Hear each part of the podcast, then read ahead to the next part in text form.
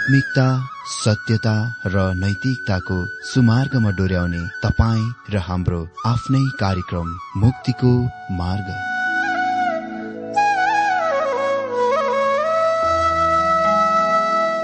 आदरणीय श्रोता यस मुक्तिको मार्ग कार्यक्रममा हार्दिक स्वागत छ।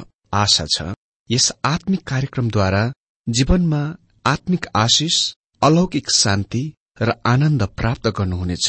र जीवनमा धन्य अनुभव गर्नुहुनेछ। आउनुहोस् श्रोता। मन र आत्माको तयारीको लागि यो मिठो अनि मधुर भजन गीत सुनौ।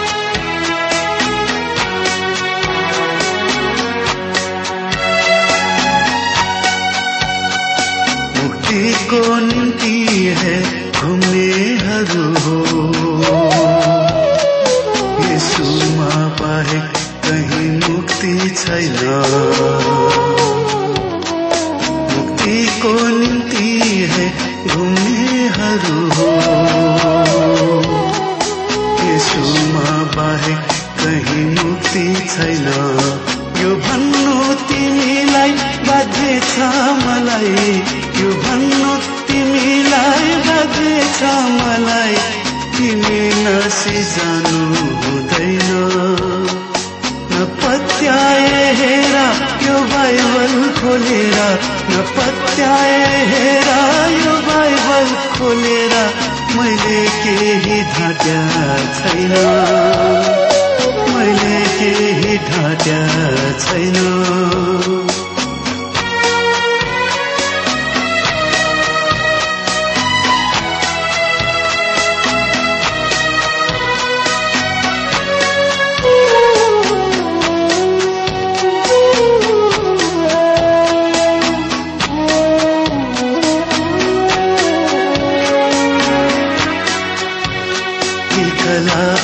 आकृति तिमी हामी जस्तै।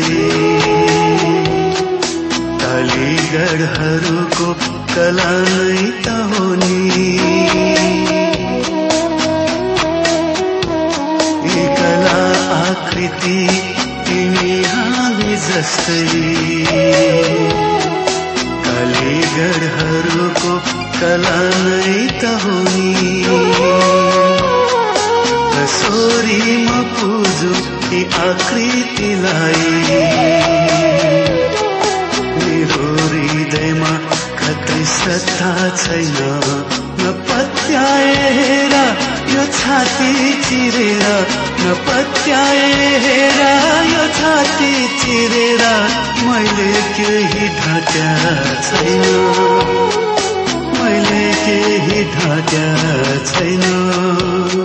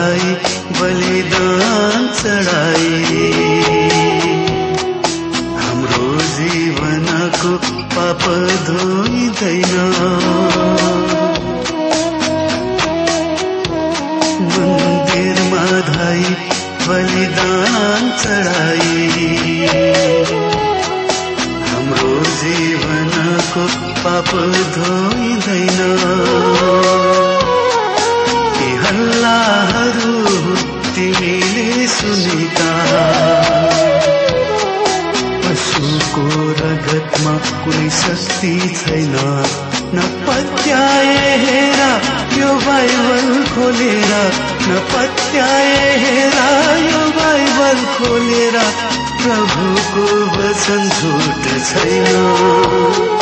प्रभुको वचन झुट छैन।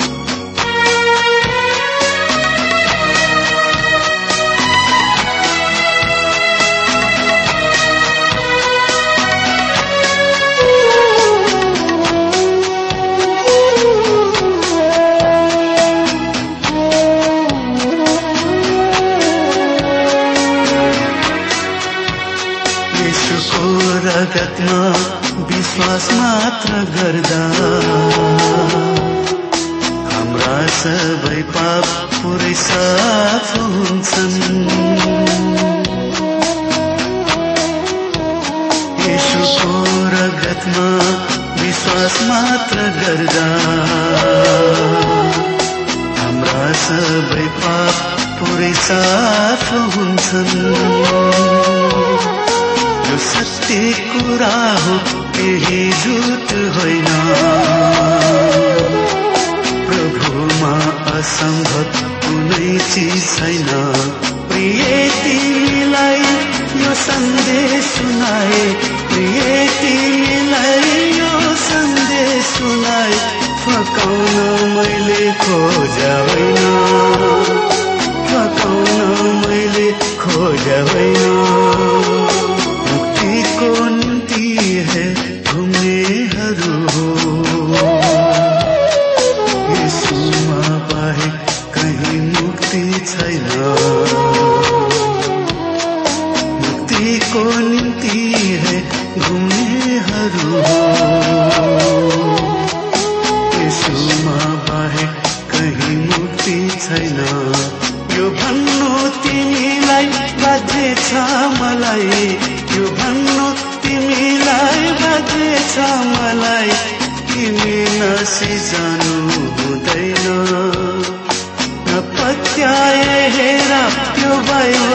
खोलेर नपत्याए हेर यो बाइबल खोलेर मैले केही ढाट्या छैन।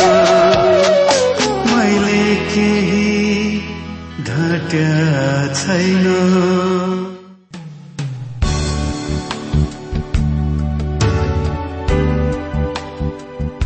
प्रिय श्रोता यो प्रसारण मार्फत यो अवगत गराउन चाहन्छौ कि प्रभुको सेवाको लागि यहाँहरूको साझेदारी नित्यन्त आवश्यकता छ। यहाँहरूले प्रार्थनाको साथसाथै आर्थिक सहायता गर्न अनुरोध गर्दछौ। तपाईँहरूको सानो भन्दा सानो भेटी किन नहोस्? हामी प्रभुको नाममा स्वीकार गर्नेछौ। प्रभुको सेवाको लागि। तपाईँहरूको यो सानो लगानीले कसैको जीवनमा भिन्नता ल्याउँछ? अनि प्रभुको महिमा हुन्छ। प्रभु तपाईँहरूलाई महान गरी आशिष दिनुहुनेछ। इच्छुक श्रोताहरूले तपाईँको इच्छा भेटी हाम्रो ठेगानामा पठाउन सक्नुहुन्छ जुन ठेगाना हामी कार्यक्रमको अन्तमा दिनेछौ। प्रिय श्रोता मित्र येशु ख्रिष्टको मधुर अनि सामर्थ्य नाममा मेरो जयमसी साथै आजको यो बाइबल अध्ययन कार्यक्रममा हार्दिक स्वागत छ। श्रोता आज हामी बाइबल अध्ययन पहिलो पत्रुस पाँच अध्यायबाट देख्न गइरहेका छौं। अनि आज पहिलो पत्रुसबाटको हाम्रो बाइबल अध्ययन अन्तिम हो। मित्र म आशा गर्दछु कि तपाईँहरूले यो बाइबल अध्ययनबाट धेरै कुराहरू सिक्नु भएको छ। मित्र पहिलो पत्रुस पाँच अध्यायमा हामी सबभन्दा पहिले विषयको रूपमा देख्नेछौ दुःख कष्ट र ख्रिष्टको दोस्रो आगमन। यो पहिलो पत्रुसको अन्तिम अध्यायमा दुःख कष्ट र ख्रिष्टको दोस्रो आगमनलाई एक साथमा ल्याइएको छ। ख्रिष्टको दोस्रो आगमनसँग हाम्रो कष्टहरू दुःखहरूको के सम्बन्ध छ हामी सबैको लागि ख्रिस्टियन जीवन प्रभु येशु ख्रिष्टको दुःख कष्टहरूसँग शुरू भयो जहाँ उहाँ हाम्रो दण्ड बोक्नुभयो अनि आज परमेश्वरका सन्तानको जीवनमा दुःख कष्टहरू पनि छन्।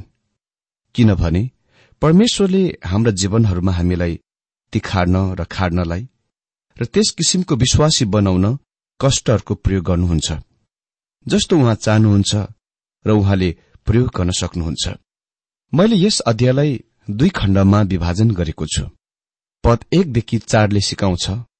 कष्ट दुःखले सेवा र आशाको उत्पादन गर्दछ। अनि पद पाँचदेखि चौधले सिकाउँछ कि दुःख कष्टहरूले नम्रता र धीरजको उत्पन्न गर्दछ। त्यसकारण हामीसँग भूतमा अतीतमा ख्रिष्टको कष्ट र प्रभुका जनका वर्तमान कष्ट र त्यसपछि हामीसँग ख्रिष्टको दोस्रो आगमन छ। प्रत्येक विश्वासीहरूसँग भविष्यको लागि आफ्नो योजनामा र आफ्नो कार्यक्रममा ख्रिष्टको दोस्रो आगमन हुनै पर्छ। हामीलाई प्राय गरी बताइएको छ कि हामीसँग जीवन योजना हुन आवश्यक छ जीवन बीमा। केही ख्रिष्टको दोस्रो आगमन जब उहाँ संसारबाट आफ्नो चर्च वा मण्डलीलाई लिन आउनुहुन्छ र त्यसपछि तपाईँसँग पृथ्वीमा शासन गर्न फर्किआउनुहुन्छ। हजुर यो उहाँको दोस्रो आगमन। तपाईँको कार्यक्रम योजना हो वा एक किसिमले सिद्धान्त मात्र हो। उहाँको दोस्रो आगमन खालि सिद्धान्त मात्र होइन। त्यो कुनै त्यस्तो कुरो हो जुन हाम्रा जीवनहरूमा प्रवेश गर्दछन्।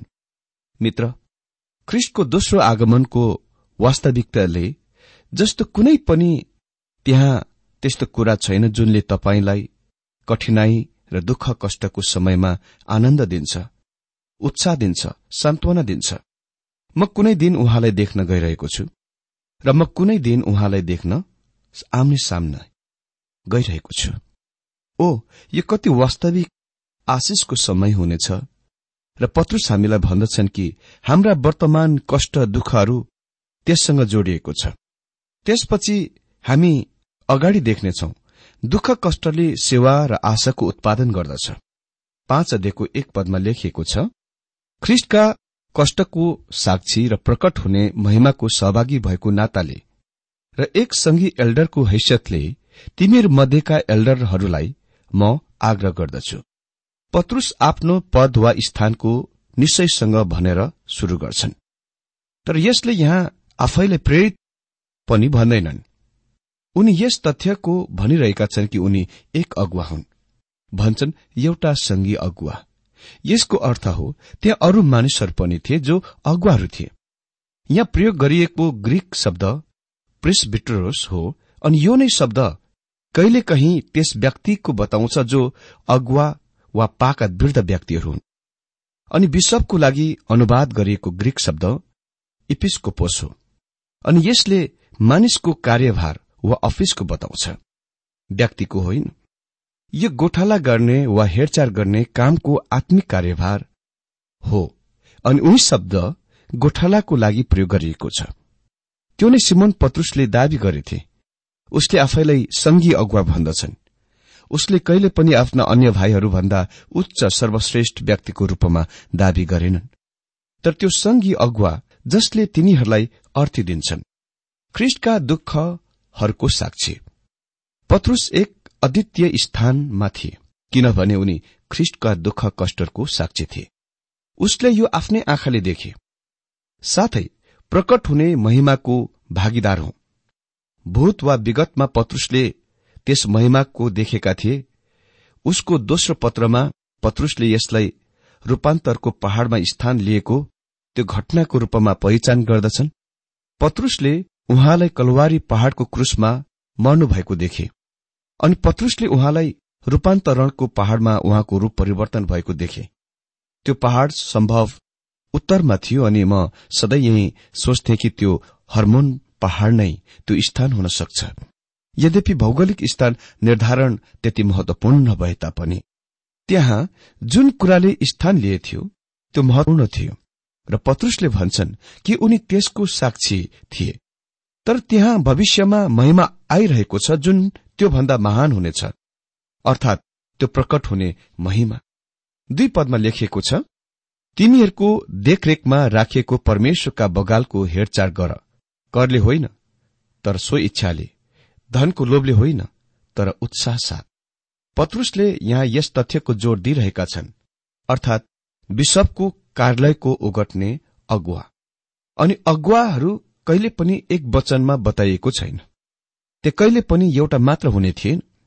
हजुर त्यो अगुवा बगालको गोठाला हुनुपर्छ। गोठाला गर्ने कुराले प्रबन्ध व्यवस्था सुरक्षा रेखदेख र अनुशासन शिक्षा दिशानिर्देशनको सूचित गर्दछ। अगुवाको सेविकाईलाई अति नै सकारात्मक तरिकामा पूरा गर्नुपर्दछ। तर उही समयमा पत्रुसले नकारात्मक आज्ञा पनि दिन्छन्। सर्वप्रथम पत्रुस भन्छन् अगुवाहरू सही कारणको लागि सेवा गर्नुपर्छ। सही आत्मामा यो यस कारणले होइन किनभने तिनीहरूले यसको गर्नै पर्छ। तर किनभने स्वतन्त्रताले त्यसो गर्न तिनीहरू चुन्छन्। पत्रुसले भनेका कुराको तपाईँले ध्यान दिनुभएको छ। तिमीहरूका बीचमा भएको परमेश्वरको बगाललाई देखरेख गर्दै गोठला गर। करले होइन तर इच्छापूर्वक। त्यो स्वैच्छिक रूपमा गर। परमेश्वरले तपाईँलाई मण्डलीमा यस उदासीनता अप्रसन्नताको आत्मामा कार्यभार लिएको चाहनुहुन्न। यदि यसको सम्हाल्ने कसैलाई भेटाउँदैनौ भने म त्यसको सम्हाल्ने छु। अह मेरो मित्र तपाईँ यो नगर्नुहोस्। किनभने उहाँलाई सेवा गर्ने त्यो कारण होइन। उहाँलाई सेवा गर्ने काममा कुनै महत्व छैन यदि तपाईँ त्यसको कर्ममा त्यसको गरिरहनु भएको छ भने। निज कमाइले होइन तर तयार मनले। पत्रुसले स्पष्ट पार्दछन् कि त्यहाँ खाली सही कारण सही आत्मा मात्र हुनुहुँदैन किनभने तिनीहरू स्वतन्त्र रूपले स्वैच्छिक रूपले सेवा गर्न चुन्दछन् तर उही समयमा त्यहाँ सेवाको लागि सही इरादा अभिप्राय पनि हुनुपर्छ। यो कुनै भौतिक साधन प्राप्तिको लाभको लागि हुनु हुँदैन साथै यो गर्ने काममा अति नै आनन्दित र हर्षित हुनुपर्दछ। त्यस काम गराइको आनन्द भोग लिनुपर्दछ। तपाईँ अति नै ठूलो सहर महानगरमा जानुहोस् अफिसको समयमा। तपाईँ मानिसहरू आफ्नो कारमा आफ्नो मोटरसाइकलमा अनि रिक्सा वा बसमा चाँडो चाँडो हतार हतार गरेर टेन्सन चाप र दबाउको साथ त्यस्तो आफ्नो काम र नोकरीको लागि अफिस वा कारखानातिर लागिरहेको देख्नुहुन्छ। जुन काम गर्न तिनीहरू मन पराउँदैनन्। आज धेरै मानिसहरू त्यो नोकरीको काम गरिरहेका छन् जुन तिनीहरू कति पनि गर्न मन पराउँदैनन्। मित्र प्रभुको सेवामा हुने कुनै अति नै अद्भुत कुरा हो जहाँ तपाईँ आफ्नो काम गर्न सक्नुहुन्छ किनभने त्यो गर्न वास्तवमा मन पराउनुहुन्छ र तपाईँ त्यसको गर्न चाहनुहुन्छ। यसले नै यो मेरो बाइबल अध्ययन कार्यक्रम मेरो निम्ति आनन्दको काम भएको छ। म यो गर्नमा अति नै धेरै आनन्दित लिन्छु। सिमन पत्रुस भन्छन् ख्रिस्टियन सेवामा सही इरादा हुनै पर्छ। अनि तीन पदमा लेखिएको छ तिनीहरूको जिम्मामा रहेकाहरूमाथि अधिकार जमाएर होइन तर बगालको निम्ति उदाहरण हेर। यहाँ उल्लेखित परमेश्वरको अर्को शब्दमा अगुवाहरूले आफ्नो सेविकाईलाई सही तरिकामा अभ्यास गर्नुपर्छ। भगाउने होइन तर अगुवाई गर्ने अधिपत्य गर्ने होइन तर उदाहरण वा नमूना देखाउने। त्यसकारण यो नै त्यो काम हो जुनमा उसले बगालका निम्ति उदाहरण हुनुपर्छ। उदाहरणको राख्नुपर्छ। मलाई लाग्दैन कि पास्टर पुलपिटमा गएर त्यस्तो केही काम गर्न आफ्ना बगालहरूलाई झुण्डहरूलाई वचनद्वारा तर्साउन सक्छ जुन वास्तवमा उनी स्वयं नै गरिरहेका छैन। मित्र मलाई लाग्दैन हामी अरू मानिसहरूलाई कुनै कुरा गर्नलाई आज्ञा गर्ने कुनै अधिकार छ जुन हामी आफै स्वयंले गरिरहेका छैनौं। भनिएको छ तिनीहरूको जिम्मामा रहेकाहरूमाथि अधिकार जमाएर होइन तर बगालको निम्ति उदाहरण भएर। अनि चार पदमा र जब मूल गोठाला प्रकट हुनुहुनेछ तब तिमीहरूले महिमाको नओल्याउने मुकुट प्राप्त गर्नेछौ। अगुवाको सेविकै अति नै होसियारको साथमा गरिनुपर्छ। यो सोच्दै कि उसले मुख्य गोठालालाई सेवा गर्दछ र जसप्रति उनी उत्तरदायी छन् र उहाँ स्वयंले उसको सेवाको त्यस्ता पुरस्कार र इनामले पुरस्कृत गर्नुहुनेछ जुन अनन्तकालका छन्। यस्तो कहिले नसोचौं हामी बेकारमा व्यर्थमा काम गरिरहेका छौं। अह हामी त्यस्तो कुनै व्यर्थको बेकारको लागि काम गरिरहेका छैनौं। पाओले यो बिल्कुल स्पष्ट पारे कि विश्वासीहरू व्यर्थका कुराको लागि काम गर्नु हुँदैन। तपाई उहाँको लागि काम गर्नुपर्छ र कुनै दिन इनामको लागि उहाँको उत्सुकतापूर्वक बाटो हिँड्नुपर्छ त्यही नै तरिकामा हामी उहाँलाई सेवा गर्दछौ। तब तिनीहरूले नओलिउने महिमाको मुकुट पाउनेछौ। तिनीहरूले शास्त्रमा धेरै मुकुटहरूको उल्लेख गरिएका छन् जुनमा जीवनको मुकुट र धार्मिकताको मुकुट पनि सम्मिलित छन्। महिमाको मुकुट के हो? म विश्वास गर्दछु यसको मतलब हो हामी कुनै दिन उहाँको महिमाको बाँड्न गइरहेका छौं। उसले यसलाई महिमाको मुकुट भन्दछन्। पत्रुसले उहाँलाई यहाँ मुख्य गोठाला भन्छन्। असल गोठालाले भेडाको लागि आफ्नो जीवन दिन्छ। त्यो भजन बाइस अध्यायमा देखिन्दछ। महान गोठालाले भेडाको देखदेख गर्दछ। त्यो भजन तेइस अध्यायमा देखिन्दछ। अनि भजन संग्रह चौबिस अध्यायमा उहाँ मुख्य गोठाला हुनुहुन्छ जो फेरि आइरहनु भएको छ। कुनै दिन हाम्रा मुख्य गोठाला प्रकट हुन गइरहनु भएको छ। र उहाँको अझै आफैसँग आफ्ना बगाल हुनेछ र हामी त्यस बगालको सदस्यहरू हुनेछौ। ओ यो कति अद्भुत कुरा। हामीले दुई कुरा देख्यौं दुःख कष्ट र ख्रिष्टको दोस्रो आगमन दुःख कष्टले सेवा र आशाको उत्पादन गर्दछ। अब यसपछि हामी निम्न पदहरूमा देख्नेछौ दुःख कष्टले नम्रता र धीरजको उत्पादन गर्दछ। पहिलो पत्रुस पाँच अध्यय पाँच र छ पदमा लेखिएको छ त्यसै गरी जवान हो बुढापाकाहरूका अधीनमा बस्छ। एउटा अर्काको अधीनमा रहेर तिमीहरू सबैले नम्रताको वस्त्र धारण गर। किनभने परमेश्वरले अहंकारीहरूको विरोध गर्नुहुन्छ तर नम्र अनुग्रह गर्नुहुन्छ। यसकारण परमेश्वरको शक्तिशाली बाहुली मुनि तिमीहरू आफैलाई विनम्र तुल्याऊ र उहाँले उचित समयमा तिमीहरूलाई उच्च पार्नुहुनेछ यही प्रकारले हे जवान हो आफू आफूलाई अगुवाहरूको अधीनमा सुम्प। यही बाइबलले हामीलाई सिकाउँछ। तिमीहरू सबै एक अर्काको अधीनमा बस्छ अर्को शब्दमा विश्वासीहरूले अरूहरूमाथि खालि आफ्ना तरिका वा चालहरूको वा विचारहरूको मात्र थोप्ने कोसिस गर्नु हुँदैन। हामीले एक अर्काको कुरा सुन्नुपर्छ र कदर गर्नुपर्छ र आपसमा समझदारीतामा मेलमिलापमा बस्नुपर्छ। नम्रतालाई पहिरिरह। मतलब हाम्रा जीवन नम्रताको जीवन हुनुपर्छ। किनभने परमेश्वरले घमण्डीलाई विरोध गर्नुहुन्छ तर नम्रलाई अनुग्रह दिनुहुन्छ। पत्रुसले नम्रता र अनुग्रहको बारेमा धेरै कुरा छन् घमण्डी मानिसले परमेश्वरको अनुग्रहलाई अनुभव गर्न योग्य हुने छैन। यसको अर्थात परमेश्वरको अनुग्रहको तब मात्र हामी अनुभव गर्न योग्य हुन्छौ जब तपाईँ र म नम्रतामा आउँछौ।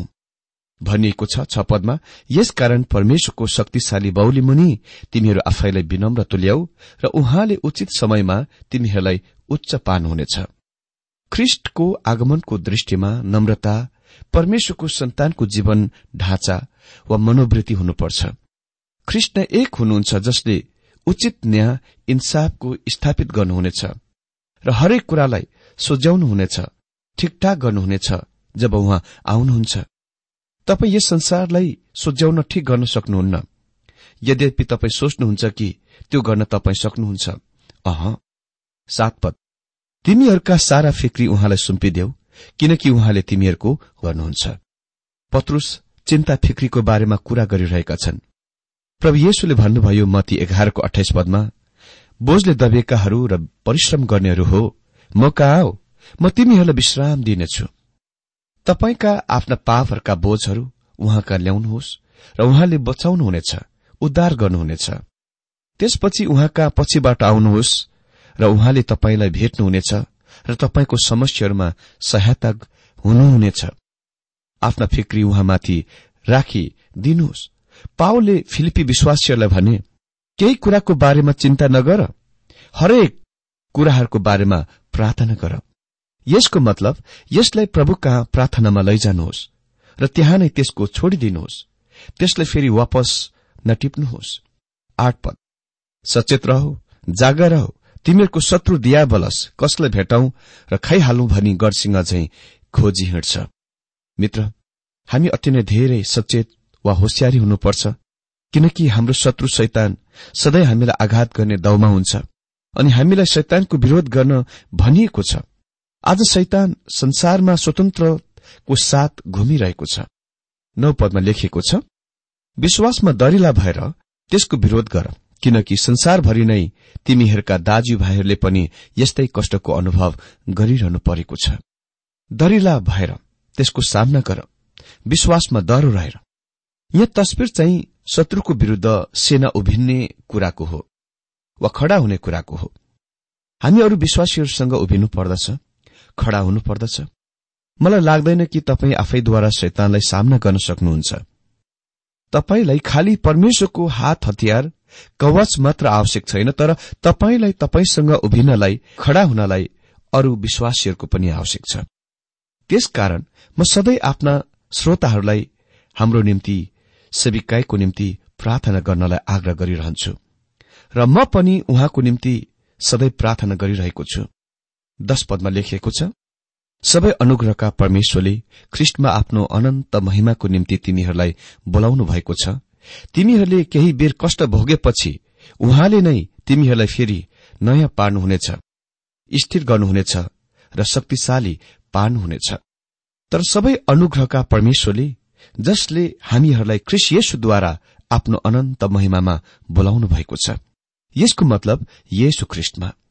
हामीसँग आफै स्वयंहरूमा कुनै महिमा छैन। मण्डली एक प्रकारको चन्द्र वा जुन जस्तै हो यसले खाली सूर्यको ज्योतिलाई बिम्बित गर्दछ। हाम्रा महिमा खाली प्रतिबिम्बित महिमा मात्र हुनेछ तर हामी ख्रिस्टमा त्यस महिमाको बाँड्न गइरहेका छौं। तिमीहरूले केही समयसम्म दुःख कष्ट भोगेपछि उहाँ आफैले तिमीहरूलाई सिद्ध स्थिर बलवान र स्थापित पार्नुहुनेछ।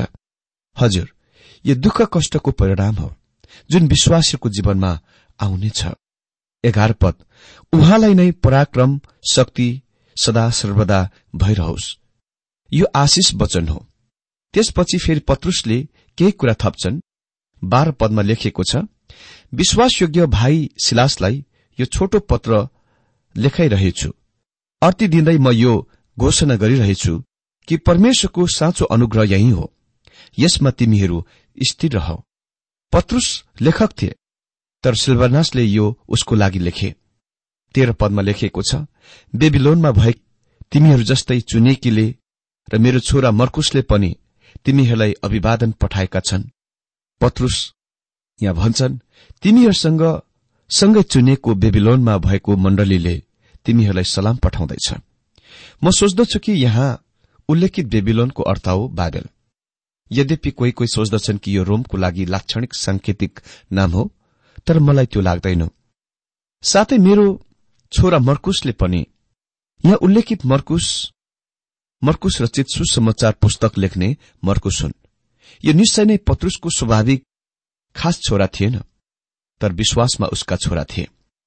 चौध पदमा लेखिएको छ एउटाले अर्कोलाई प्रेमको चुम्बनले अभिवादन गर ख्रिष्टमा भएका तिमीहरू सबैलाई शान्ति। अमित्र त्यस समयमा र त्यस स्थानको संस्कार अनुसार अभिवादन गर्ने माध्यमको रूपमा एक आपसलाई चुम्थे। आज हाम्रो संस्कारमा चाहिँ हात जोडेर जयमसी नमस्कार भन्दा उक्तम हुनेछ। अनि यो पत्रुसको अन्तिम आशिष वचन हो तिमीहरू सबैसित जो ख्रिस येसुमा छौ शान्ति होस्। आमेन। अनि मेरो पनि तपाईँहरू प्रत्येकसँग यही कामना छ र प्रार्थना छ कि उहाँको शान्ति तपाईँहरूसँग भएको होस्।